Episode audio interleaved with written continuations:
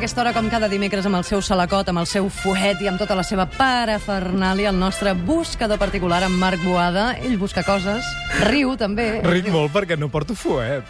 No trenquis la màgia de la ràdio, home. Ah, però és que què pensarà la gent de mi? Doncs això, que ets el, el buscador. Sí, però un buscador normal i corrent, eh? Sí? Sí, no cal anar massa guarnit. Aquella imatge mítica de l'Indiana, de fet, era tan maca. Per això, per això, per això, per això te la posem. perquè tu ens caus més bé, et coneixem millor que l'Indiana. Cada dimecres eh, doncs ens acompanya això, en Marc Boada, una persona que busca objectes del món natural, cosetes que expliquen històries. I avui què, què ens has portat? Doncs avui us he portat una cosa radicalment oposada a la que teníem la setmana passada. La setmana era passada or. era or, palletes d'or de la platja d'Empúries, aquella tan preciosa, i aquesta setmana eh, hem anat a parar, ja acabarem aquí amb el món mineral, però per acabar hem anat a parar a un dels minerals més vulgars, d'un dels metalls més vulgars, però que per una altra banda també és una pedra preciosa. Mira, jo te n'he portat una. A veure, un moment, has dit minerals vulgars de metall vulgar. Mineral Sí. i metall no és el mateix? Comencem no, per aquí? el mineral és un compost químic. De fet, nosaltres tots els elements, els 92 elements químics de la taula periòdica, els trobem a la natura combinats entre ells. Mm. Per exemple, trobem una combinació que és sofre més plom, anomenada sulfur de plom, que és un mineral que s'anomena galena, que és el mineral del plom, que és aquest metall tan vulgar, que és aquest que t'he portat aquí. Mira quina lluïssor més preciosa metàl·lica que té. És preciós. Sí. És preciós i té una forma molt geomètrica, a més Sí. a més. De fet, aquest és un mineral que, que, que, que té una característica, una, que el distingeix de tots els altres, que és una exfoliació perfecta. És a dir, agafes això, comences a picar amb un martell i el redueixes a uns daus petitíssims però molt regulars, una miqueta similars als dauets petits de la sal de cuina que fem servir per tantes i tantes coses. Es desfà com per capes, no? Com, Sí. com per làmines. Sí, sí, es trenca amb tota precisió per uns plans de fractura que ja té predeterminats. I, de fet, així va ser com jo em vaig enamorar d'aquest mineral. El meu avi me'n va regalar un cub molt gros i un dia vaig agafar un martell i el vaig reduir a pols, a pols cúbica, això sí, a una lluïssor preciosa, però que ja mai més va tornar a tenir aquella, aquella volumetria que tenia abans. Fixa't que és molt pesa dens. moltíssim, això. Efectivament, hi ha molt de plom aquí. Que és, és petitó, aquest fragment que m'has portat, no Sí. deu arribar a Fa 3 centímetres Exacte. de llarg, més o menys. Sí. És cúbic, aproximadament, però si em cau el peu em pot fer mal, eh? Sí, sí, sí, sí, és una de les pedres denses. Això també fa que sigui un d'aquests minerals que, tot i la seva preciositat estètica, al ser abundós i molt dens, tingui un preu baixíssim al mercat i, de fet, aquest mineral es compra pràcticament a cap preu. No és una pedra massa especial, però sí que és una pedra que ens condueix cap a una de les comarques més desconegudes de Catalunya. On ho has trobat, això, senyor buscador? A, a, això surt d'una de les poques conques mineres de mineria metàl·lica, perquè també podríem parlar de les conques mineres de sals potàssiques, que, per exemple, hi ha cap a Cardona o a Súria, no? Mm -hmm. Però de mineria metàl·lica, la millor conca minera és la que hi ha al Priorat, entre Bellmunt, Falset, el Marroig, i d'allà surten a més, ja surten de tota la vida, això es havia explotat de vell antuvi, aquestes pedres fantàstiques. La llàstima és que ara ja no hi queda cap mina en explotació, però sí, sí, d'allà havien sortit, de fet, centenars d'espècies minerals diferents. Aquesta era la més abundant, però, per exemple, els millors cristalls de sulfur de níquel del món, la millerita, van sortir precisament d'allà. Catalunya estan plens de rècords. No, no, ja ho veig, ja ho veig, però deies que és un mineral modest, Hmm. no? La setmana passada parlàvem de l'or, Exacte. i aquest per què és modest? És que, no ho sé, nosaltres perquè tenim aquesta mentalitat humana i sabem que l'or és car i això no ho és, però, però per què? És modest perquè d'aquí en traiem plom. El plom és un metall molt abundós i de preu baixíssim i, a més, és un metall que cada vegada fem servir menys perquè ostres, hi ha cada vegada més generalitzada una sensació d'aprensió raonable també, eh? però al voltant del plom i dels seus compostos. Per què? Perquè és tòxic. És tòxic, sí. Vol, vols dir que mm, patim alguna mena de risc? Per, mira, de fet, aquí estem veient el, com el Marc treballava a la mina per, per extreure aquesta galena. Dic, tenim algun risc pel fet de tenir això al damunt de la taula ara Ah. tan a prop teu i meu? Jo crec que cap. Home, una altra cosa seria que ens poséssim a llapar-ho, però el, el plom... Jo ja he dinat, No, eh? Oi que no No, ve de no. gust, eh? No, No, no, molt, no. molt millor una cosa més tradicional per Sí. menjar, no? A banda d'això, no, no, no té cap toxicitat, diguem, clara. Si el polvoritzéssim i inhaléssim el, el polsim, tampoc seria bo però hauríem d'ingerir a quantitats considerables. El que passa és que sí que el plom en forma de vapor doncs és clarament tòxic. Les canonades que abans es feien de plom, els, els lampistes, veritat. els llauners, que la soldaven, doncs clar, anaven inhalant allò, no era una cosa gaire bona per la salut. És per això que ara moltes eh, cases i moltes finques estan substituint aquestes canonades de plom per canonades en, de PVC. Sí, i millor encara de coure que són probablement les més higièniques, i encara podríem arrodonir més i fer-les d'acer inoxidable, el que passa és que llavors potser no ens ho podríem permetre, no? I el plom també va tenir molt mala premsa, amb tota la raó, per dues causes més que són importants. Una d'elles és que l'afegíem a la gasolina perquè detonés en el moment just i, per tant, el motor tingués un rendiment millor. Posàvem però plom tetraetil, que és un compost orgànic de plom, que, ostres, clar, amb les tones de, de gasolina que hem cremat, doncs van a parar a l'atmosfera i van brotar molta cosa. I per una altra banda també hi ha llocs, a Catalunya passa, que s'han tirat tants eh, balins de plom per caçar ànecs, que les bèsties es moren intoxicades pel plom, eh, que han ingerit a vegades, però també, diguem que allò fa que en tot aquell medi els continguts de, de plom que haurien de ser molt baixos doncs ja siguin detectables i puguin, eh, diguem, desaconsellar eh, que allò s'ingereixi per cap causa, no? I però això em, també és deies, important. això em deies que ho havies trobat a, a la zona del Priorat... De Bellmunt del Priorat, efectivament. I, I, I que es cultivava, cultivava, s'explotava de vell antubi, m'has dit. Com, com de vell és aquest antubi? És Doncs és un antubi molt vell perquè, de fet, allà ja està documentada la presència de mineria romana i segurament de mineria àrab.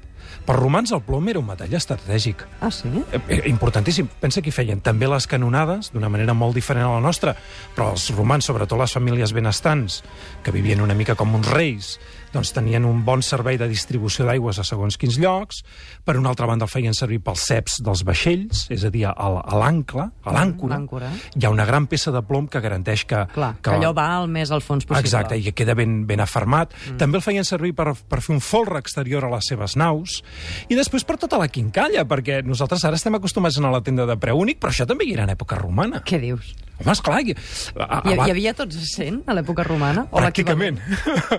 és a dir, havia produccions de luxe de moltíssimes coses, de teixits, de terrissa, etc etc, de vaixella, de coberts, de bisturís, fins i tot, però després també hi havia, hi havia un producte, diguem, de barat, eh, eh, plats, eh, coberts, eh, elements de vaixella que es feien de plom, uh -huh. exvots que es feien de plom, petits objectes decoratius, petites estatuetes, etc que també es feien de plom.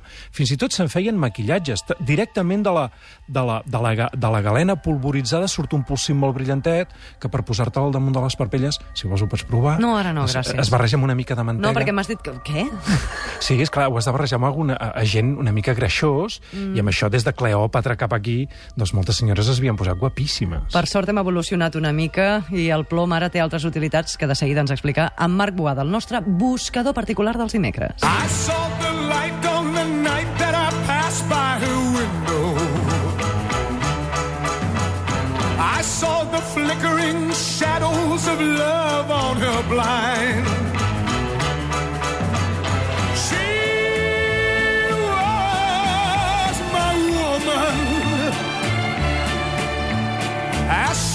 Deceived me, I watched and went out of my mind. My, my, my Delilah. Per què estem escoltant Tom Jones ara? Doncs perquè aquest senyor havia treballat en una mina, eh? Ah, sí? Abans de trobar la mina de la música, diguem. Ah, molt bé. Sí, sí, sí. La va explotar molt bé, aquest senyor. eh? Aquesta jo tinc bons sí. records de la meva infantesa. La mina de sota terra no sabem si l'explotava també, però vaja, això és el que diu la seva I tant, i biografia. tant, i tant. Per què es fa servir el plom ara mateix? Ja et dic ara que no em faré cap ombra d'ulls perquè no tinc mantega i no en tinc ganes. Són dues coses que no tinc ara mateix. Encara hi ha aplicacions imprescindibles quan necessites un metall molt dens i pesat. Mira, una d'anecdòtica però molt xula. Dius, ostres, la torre de Pisa s'està inclinant molt. Com l'adreces? Doncs a darrere, a la banda oposada cap a on s'inclina, hi poses tones i tones i tones de llengots de plom i quedes com un senyor. I l'adreces una miqueta, sí. Es fa així? Sí, sí, sí, sí, sí. Després, per, per exemple, per fer contrapesos d'edificis eh, protegits contra els terratrèmols, sostens enormes masses de plom en els sòtanos de l'edifici, però penjats d'uns cables que van fins a dalt de tot. Mm. I finalment una cosa no menys important, i és que avui en dia encara nosaltres fem moltes coses amb radiació, per exemple, en medicina que utilitza les radiacions i perquè els metges es protegeixin d'aquestes radiacions, mm -hmm. doncs el plom és el material perfecte perquè és baratet i les absorbeix perfectament. I què es fa amb aquest plom? Es, es fan a, les portes... apantallaments, Exacte. a, a, apantallaments que poden tenir una certa dimensió, eh? perquè, per exemple, en els sincrotons i en llocs on les radiacions ja són intentíssimes, intensíssimes, aquest apantallament té centímetres o metres de gruix, i, per tant, quantitats ingents de plom que s'instal·len allà. Però aviam, que jo m'aclareixi. Això que m'has portat ara, aquesta pedra, que, Mhm. que de seguida, si no l'hem penjada ja, penjarem la foto al Facebook, això és galena. Sí, senyora. Una cosa és la galena i l'altra és el plom.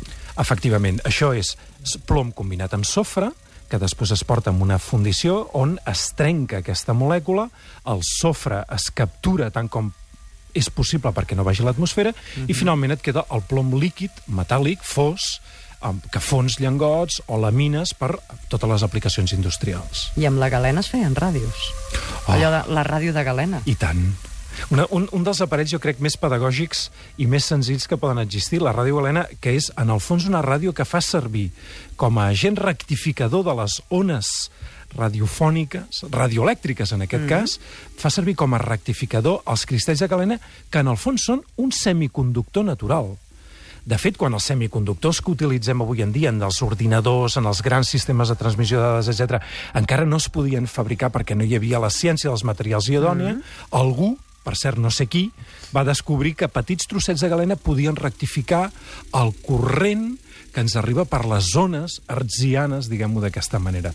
Tant és així que la ràdio galena té aquesta màgia que no necessita piles, perquè el que activa Ni- el ni prop- corrent, ni- ni res. no necessita res. Necessites només una gran diferència de potencial entre l'antena, que pot servir una escala d'alumini d'aquestes que tenim per casa, i una presa de terra que pot servir la canonada de coure, eh, a la qual estan connectades totes les aixetes. I amb això, i amb un circuit que segur que, que n'hi deuen haver-hi 30.000 petjats d'internet, i un fragment petitíssim de galena, no tota va bé, i a més no, normalment no funciona la primera, i una petita bobina que tu et fas amb un fil de coure, fas una ràdio que encara ara és molt màgica per la tecnologia baixíssima que té, fins i tot per la seva importància en la història de la ciència, com a detector molt bàsic, no?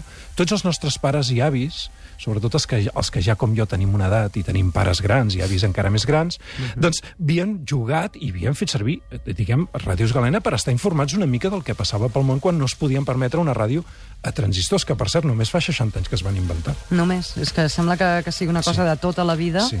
i potser per edat no ens adonem, però, però, però, però és, de, és de fa no res.